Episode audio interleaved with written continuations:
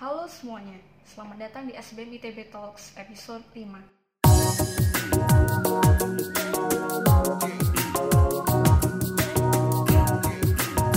Saya Salsa Mayang dari Manajemen 2020 akan menjadi announcer pada episode kali ini.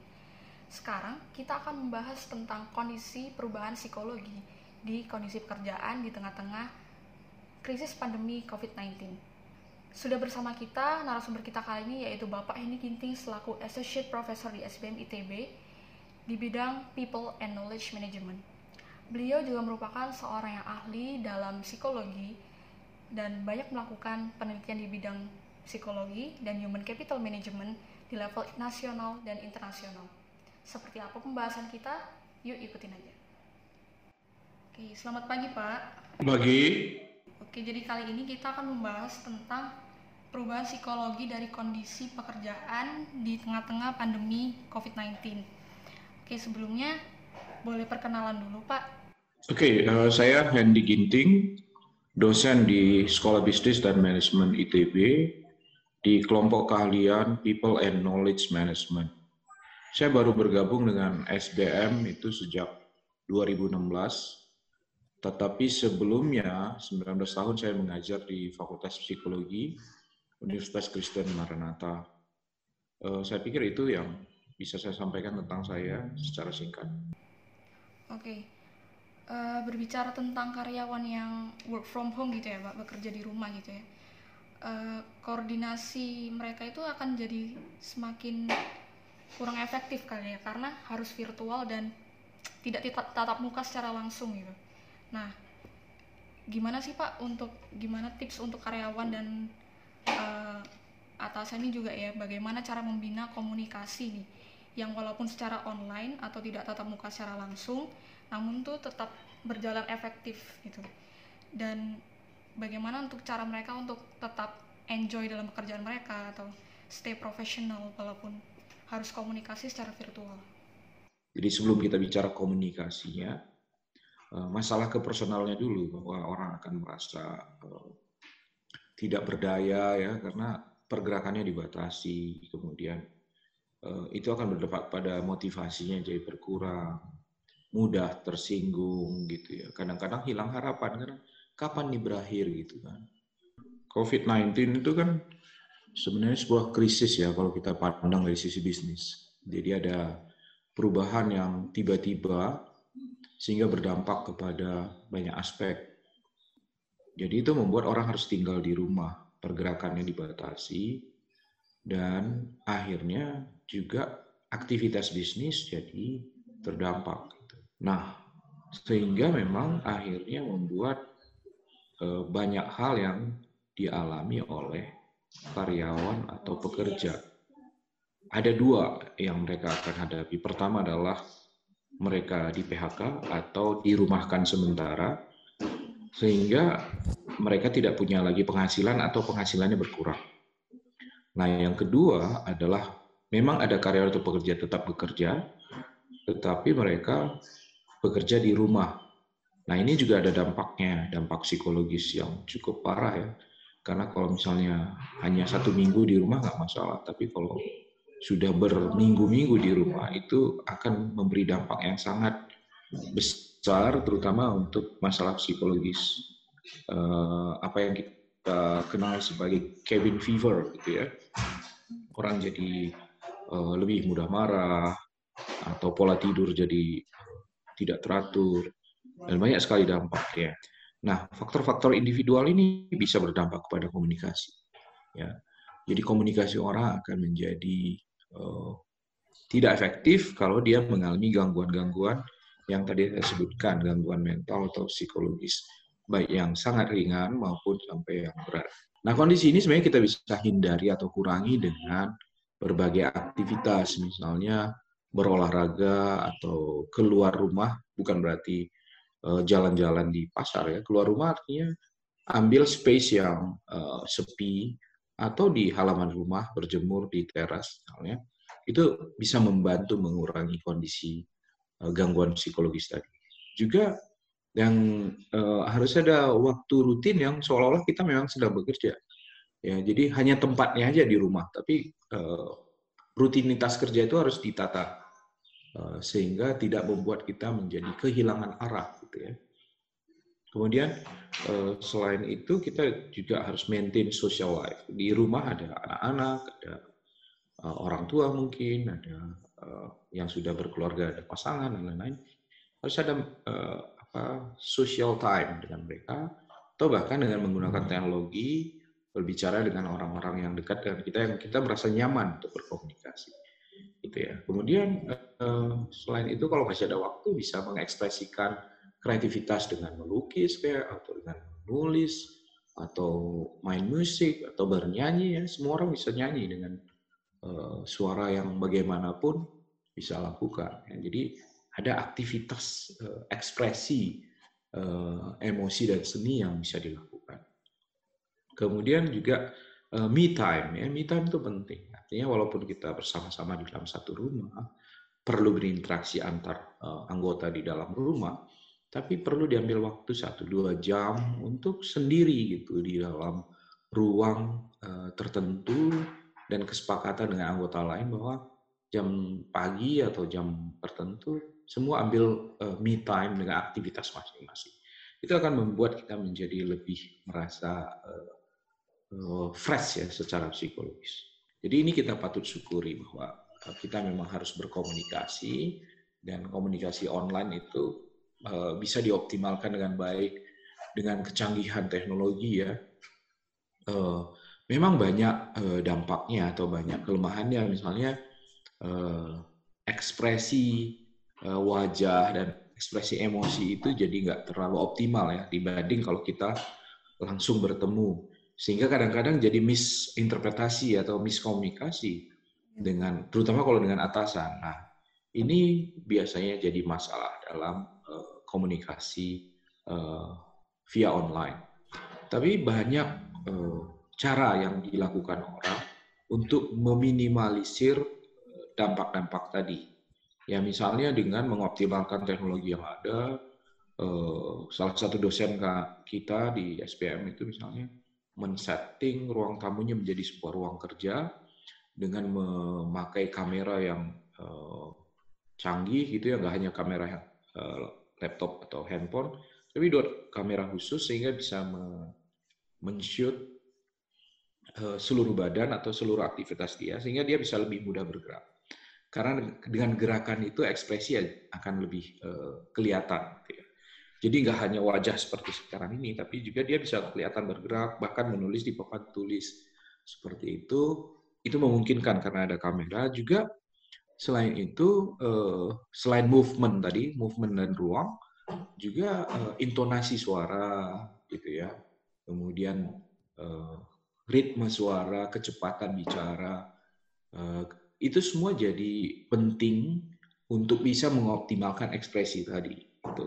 Jadi bukannya kita tidak bisa lakukan, kita bisa lakukan itu, tapi dengan settingan dan persiapan yang baik. Ya. Jadi kita harus optimalkan itu.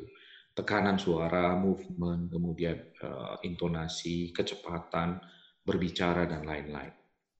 Kemudian upayakan juga bahwa uh, kita bereksperimen gitu dengan itu. Jadi tidak hanya oke okay, uh, namanya juga uh, darurat ya udah seperti ini aja Eh, setengah badan, ngomong, tanpa intonasi, yang penting semua tersampaikan.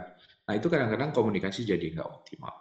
Nah itu, jadi kita optimalkan yang ada, intinya tadi kita bersyukur gitu ya bahwa ada teknologi seperti ini, dan kita bisa membuat eh, apa namanya settingan yang baik, disebut dengan fancy teknologi ya. Tapi juga nggak dibuat-buat gitu.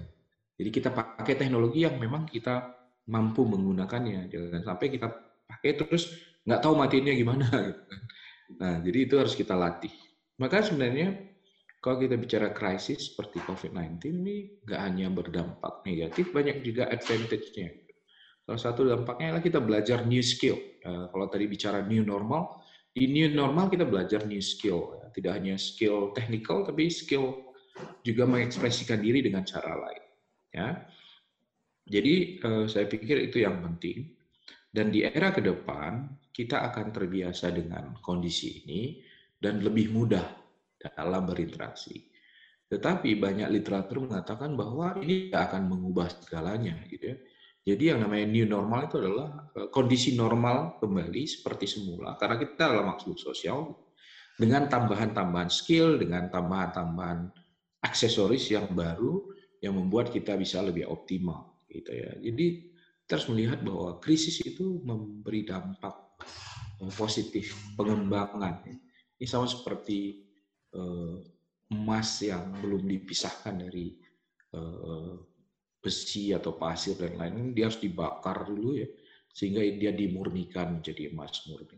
Sama seperti kita juga. Gitu. Dengan adanya krisis ini kita dimurnikan. Ya. Jadi artinya kita belajar teknologi, belajar keterampilan baru, kemudian uh, hidup kita nanti akan kembali lebih uh, baik, kembali normal dengan berbagai improvisasi ya. Sehingga eh, kalau kita belajar dari krisis-krisis yang ada, misalnya Perang Dunia Pertama, Perang Dunia Kedua, bahkan sebelumnya ada eh, flu Spanyol gitu dan lain-lain, sebenarnya dia hanya mengubah sedikit dari kondisi yang sebelumnya. Karena kan kita makhluk sosial ya, kembali lagi ke situasi yang ada, ya perkembangan zaman yang membuat kita berubah dari waktu ke waktu. Saya pikir itu ya. Uh, masih bicara yang work from home tadi Pak, mm-hmm. uh, karena ada yang work from home ini kan jam kerja itu menjadi fleksibel gitu ya Pak. Jadi orang bisa mengakses pekerjaannya atau mengerjakan tugasnya kapan pun, walaupun tidak harus di pagi hari mungkin. Mm. Nah, Henry Ford ini kan di tahun 1900 pernah menerapkan jam kerja modern gitu ya Pak. Uh, di kantoran tuh 9 to 5. Jadi dari pagi sampai sore. Di situ di era yang sebelum ditemukannya internet. Nah, menurut Bapak ini apakah bekerja dari pagi sampai sore 9 to 5 ini masih relevan di era sekarang atau bahkan di era ke depan nanti? Ya bicara relevan atau tidak eh, itu tergantung bidang kerjanya. Kalau bidang kerja yang eh, membutuhkan waktu tertentu di mana orang-orang sudah sepakat eh, akan berinteraksi secara bisnis di waktu itu ya akan efektif di 9 to 5. Misalnya kalau bekerja di retail gitu ya, toko Jogja buka jam 9 sampai jam uh, berapa? Jam 9 malam gitu. Nah, itu akan ter, tertentu. Kemudian 9 to 5 pegawai negeri misalnya. Layanan masyarakat itu kan uh, memang terjadi di waktu kerja. Jadi itu nggak akan berubah banyak. Tapi di perusahaan-perusahaan IT tanpa COVID-19 pun sekarang sudah berubah ya. Artinya Eh, mereka tidak lagi bekerja berbasis waktu, tapi berbasis produk. Dia mau kerja tengah malam atau mau kerja eh, subuh, terserah dia. Yang penting produknya jadi pada waktu yang ditentukan. Jadi dari sejak era digital, flexi time itu sudah berjalan dengan sendirinya, gitu ya, di beberapa bisnis tertentu. Bahkan di kuliahan juga begitu sekarang ya, ada orang kuliah setelah kerja, jadi kuliah itu nggak hanya lagi 9 to 5, tapi sekarang ada kuliah malam dan lain-lain. Nah, kemudian dengan adanya COVID-19, membuat kita harus kerja di rumah, maka kita sering kali uh, mungkin kerjanya sampai larut malam, tapi besok paginya kita bangunnya lebih siang atau olahraga dulu paginya mulai kerja jam 10 tapi berhenti kerja jam 8. Nah, sepanjang itu dibuat rutin dan tertata dengan baik, akan jadi produktif. Tapi kalau tidak rutin dan berubah-ubah, nah ini yang akan akan sulit kita mengukur eh, apakah ini efektif atau enggak. Jadi nggak apa-apa pakai flexi time selama ada di rumah. Nggak hanya flexi time sebenarnya, tetapi juga flexi appearance. Ya. Penampilan juga fleksibel. Kalau kantor kan harus pakai baju rapi dan seterusnya di rumah kita bisa pakai celana pendek dan lain-lain. Kecuali kalau dalam rapat, meeting dan seterusnya, ya kita harus pakai eh, apa namanya proper eh, melakukan memberikan proper appearance. Ya. Tapi intinya fleksi itu memang salah satu hal yang terjadi di era digital. Segala sesuatunya jadi fleksibel, tapi juga harus menyesuaikan dengan konteks. Ya. Jadi uh, 9 to 5 masih akan relevan, tapi di beberapa tempat akan jadi uh, berubah karena dengan adanya teknologi kita nggak harus selalu berhubungan dengan itu. Nah, uh, waktu kerja juga berhubungan dengan zona time ya. Kalau misalnya kita berinteraksi bisnis secara internasional kan harus mengkaitkan juga dengan zona waktu di negara-negara uh, lain. Nah, jadi ini juga akan menentukan waktu kerja kita. Saya pikir itu. Oke, tadi sudah berbicara tentang work from home ya Pak. Sekarang uh, beralih ke karena ini masih ada beberapa karyawan tuh yang tidak bekerja di rumah gitu Pak, namun bekerja shift mereka seperti di restoran, bank, dan apa ya fasilitas umum lainnya gitu. Uh, menurut Bapak bagaimana cara karyawan dan perusahaan sendiri sebagai pemberi kerja ini dalam memberikan support selain mungkin adanya insentif tambahan agar karyawan itu tetap bertahan dan enjoy bekerja di tempat mereka? Ya, itu pertanyaan bagus ya karena memang banyak sektor yang masih tetap uh, harus bergerak atau beraktivitas, misalnya restoran atau uh, toko-toko, uh, kemudian berbagai perusahaan yang memang menyediakan bahan pokok dan transportasi dan lain-lain. Nah, yang harus diperhatikan di sini adalah bahwa meskipun mereka bekerja, mereka harus dijamin keselamatannya. Artinya bebas dari kontaminasi atau bebas dari uh, uh, keterjangkitan penyakit. Nah, jadi uh, pemerintah sudah menyarankan empat hal ya. Jadi empat hal itu harus dijamin uh, bisa dilakukan di perusahaan juga atau di tempat kerja. Pertama yaitu ke fasilitas cuci tangan dan himbauan untuk selalu bercuci tangan, kemudian juga uh, memakai masker gitu ya, kemudian fasilitas untuk social distancing. Kalau kita lihat kan di beberapa restoran misalnya di Cina itu bahkan dibuat buletan-buletan gitu ya. Orang hanya boleh berdiri di situ dengan jarak tertentu, kemudian jarak antar kursi juga diatur supaya itu terpenuhi semuanya. Kemudian yang terakhir adalah menjaga daya tahan tubuh. Artinya berarti gizinya harus seimbang, diberi kesempatan istirahat yang banyak. Jadi empat hal ini harus dijamin terlaksana dengan baik oleh perusahaan terhadap karyawannya. Jadi eh, hal-hal seperti ini perlu dilakukan sehingga mereka merasa terjamin. Saya mau beri contoh misalnya eh, di Belanda ya. Belanda itu juga lockdown sebenarnya mereka itu tapi eh, karyawan itu tetap bekerja, tapi dengan banyak persyaratan. Misalnya kalau dia batuk atau demam harus tinggal di rumah. Kemudian kalau benar-benar sehat baru boleh kerja. Tapi ketika bekerja juga hal-hal empat hal tadi harus dijaga dengan baik. Jadi bukan berarti sama sekali tidak bekerja bisa. Ya, tadi artinya empat hal, sepanjang empat hal tadi terjamin, nggak akan ada masalah. Kemudian uh, mereka secara psikologis juga didukung dengan baik, jadi tidak membawa suasana menjadi mencekap gitu, tapi suasananya jadi uh, uh, relax ya. Saya pikir itu. Ada sering dengan tren layoff karyawan di kantor gitu ya Pak, karena banyak karyawan juga yang terkena PHK pada saat ini. Dan menurut Bapak ini bagaimana seharusnya karyawan ini bisa bertahan gitu dari sisi finansial dan mental mereka juga dan apa yang bisa mereka lakukan setelah menghadapi PHK dari kantor mereka itu?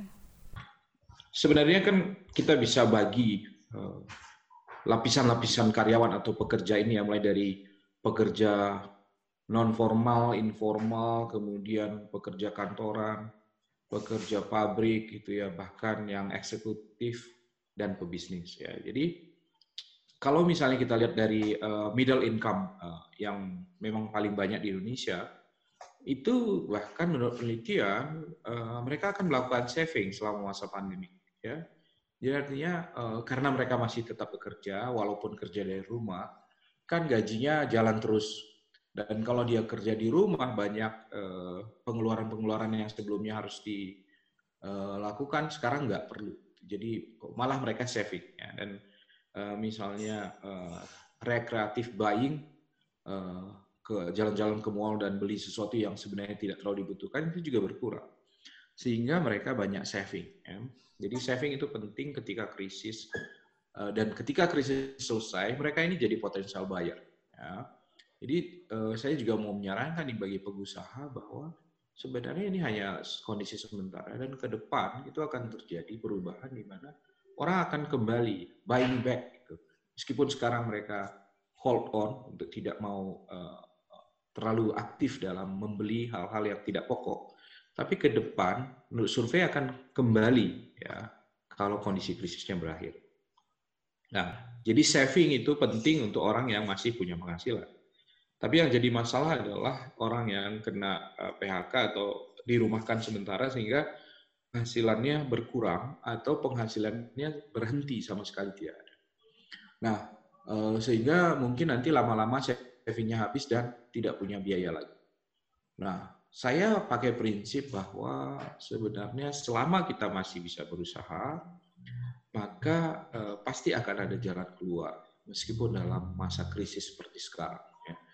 Jadi, eh, let's say ada satu orang yang kehilangan pekerjaan dan eh, savingnya sudah mau habis, maka banyak hal yang bisa dia lakukan. Saya mau kasih contoh misalnya banyak ibu-ibu rumah tangga atau para pekerja yang sudah berhenti bekerja menawarkan berbagai produk yang dibutuhkan secara online, misalnya jualan daging beku atau jualan uh, beras, jualan telur dan lain-lain.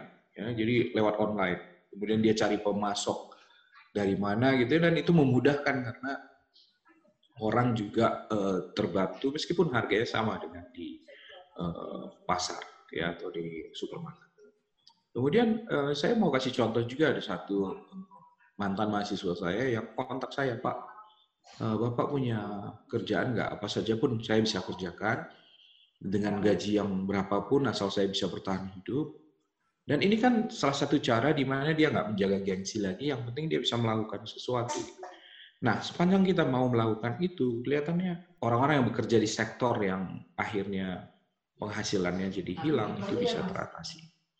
Nah, kemudian kalau ini sudah tidak memungkinkan, sudah tidak ada uang dan seterusnya, ya mungkin bisa cari pinjaman sementara ke teman-teman yang punya uang lebih banyak, gitu ya, atau masih dapat gaji. Dan biasanya dalam kondisi sekarang, motivasi menolong itu cukup banyak. Ya. Jadi orang-orang juga ingin menolong sepanjang dia punya uh, sesuatu untuk diberikan. Jadi jangan juga malu untuk meminta bantuan orang-orang terdekat atau orang-orang yang dikenal. Bisa berupa pinjaman atau bantuan. Atau yang ketiga adalah bantuan pemerintah karena pemerintah saat ini menyiapkan dana 405 triliun kalau nggak salah untuk recover, uh, untuk menghadapi COVID. Yang salah satunya adalah untuk membantu uh, orang-orang yang terdampak PHK atau usaha-usaha yang terdampak, terutama usaha mikro. Ya. Nah, itu uh, dari 405 triliun itu seratusan triliun itu dipakai untuk membantu masyarakat. Jadi mungkin juga bisa cari info bagaimana cara dapat bantuan. Sambil tetap mencari pekerjaan yang tadi saya sebut di awal.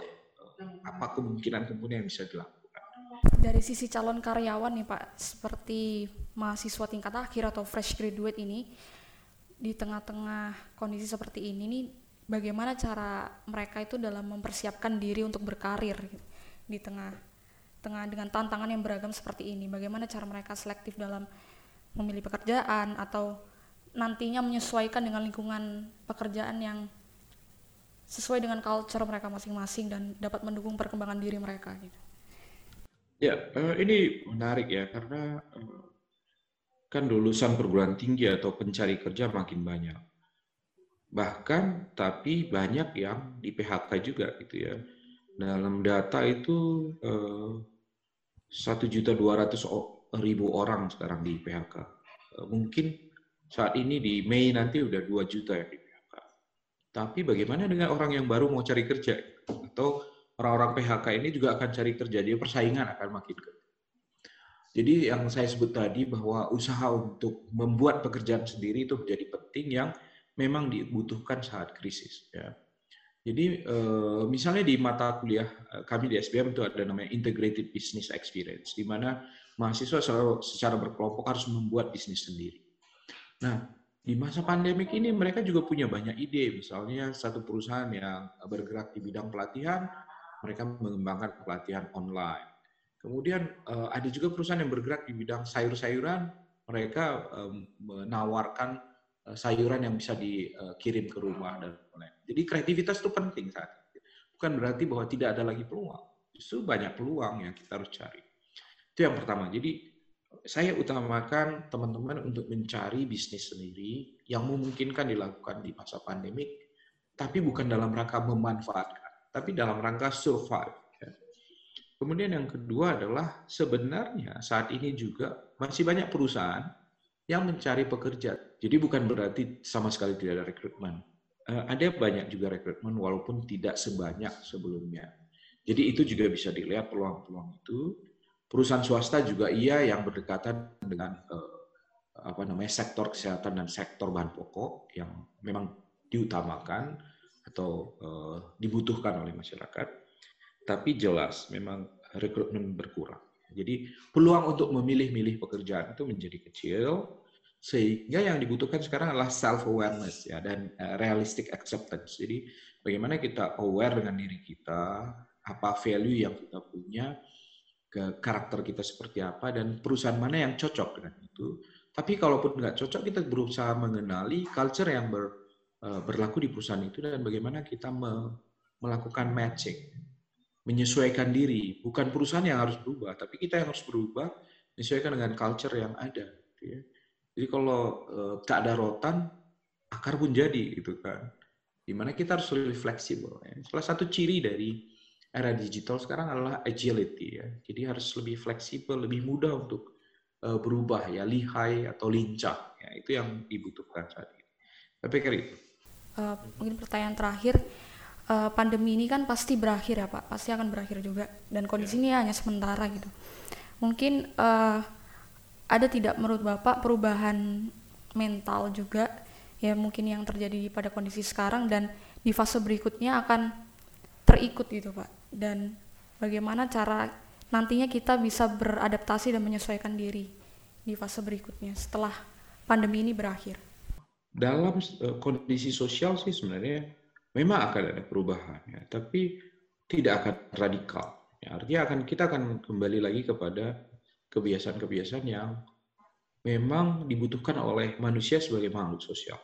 Berinteraksi, berjaga-jaga dan eh, saling uh, menyapa dan bersama-sama makan bersama dan semua itu akan terjadi. Tapi mungkin akan ada perubahan misalnya teknologi akan menjadi lebih uh, menyesuaikan dengan kondisi. Kemudian juga eh, hal-hal lain dengan cara kita berkomunikasi ya online menjadi kebiasaan sehingga kita bisa lebih toleran dengan itu. Tapi dia akan radikal perubahan. Jadi new normal bukan berarti totally new, tapi uh, ada sedikit perubahan. Tapi kondisi sosial itu akan tetap karena kita adalah makhluk sosial yang memang punya uh, pola kehidupan yang tidak bisa ditinggalkan. Oke, jadi dengan adanya pandemi COVID-19 ini banyak sekali memberikan dampak yang signifikan terhadap karyawan, mulai dari work from home, penyesuaian gaji, dan juga bahkan pemutusan kontrak kerja. Dan juga dari sisi calon karyawan yakni mahasiswa dan lulusan sarjana yang sedang mencari pekerjaan juga harus dihadapi dengan tantangan di kompetisi yang sangat sengit di tengah-tengah kondisi pandemi COVID-19 ini. Namun di lain dari adanya sisi efek negatif dari pandemi yang hanya bersifat sementara ini tidak harus dialami dengan stres, emosi, dan depresi. Namun juga harus diisi dengan kegiatan yang positif dan produktif demi kesehatan secara fisik dan juga psikologi. Jadi sembari menunggu pandemi ini berakhir, hendaknya kita dapat mempersiapkan diri dan juga mengembangkan diri untuk fase berikutnya. Oke, sekian pembahasan dari episode kali ini. Jangan lupa like, comment, share, dan subscribe akun YouTube dari SBM ITB dan juga dengarkan podcastnya di Spotify. Terima kasih, semoga bermanfaat. SBM ITB for the greater good.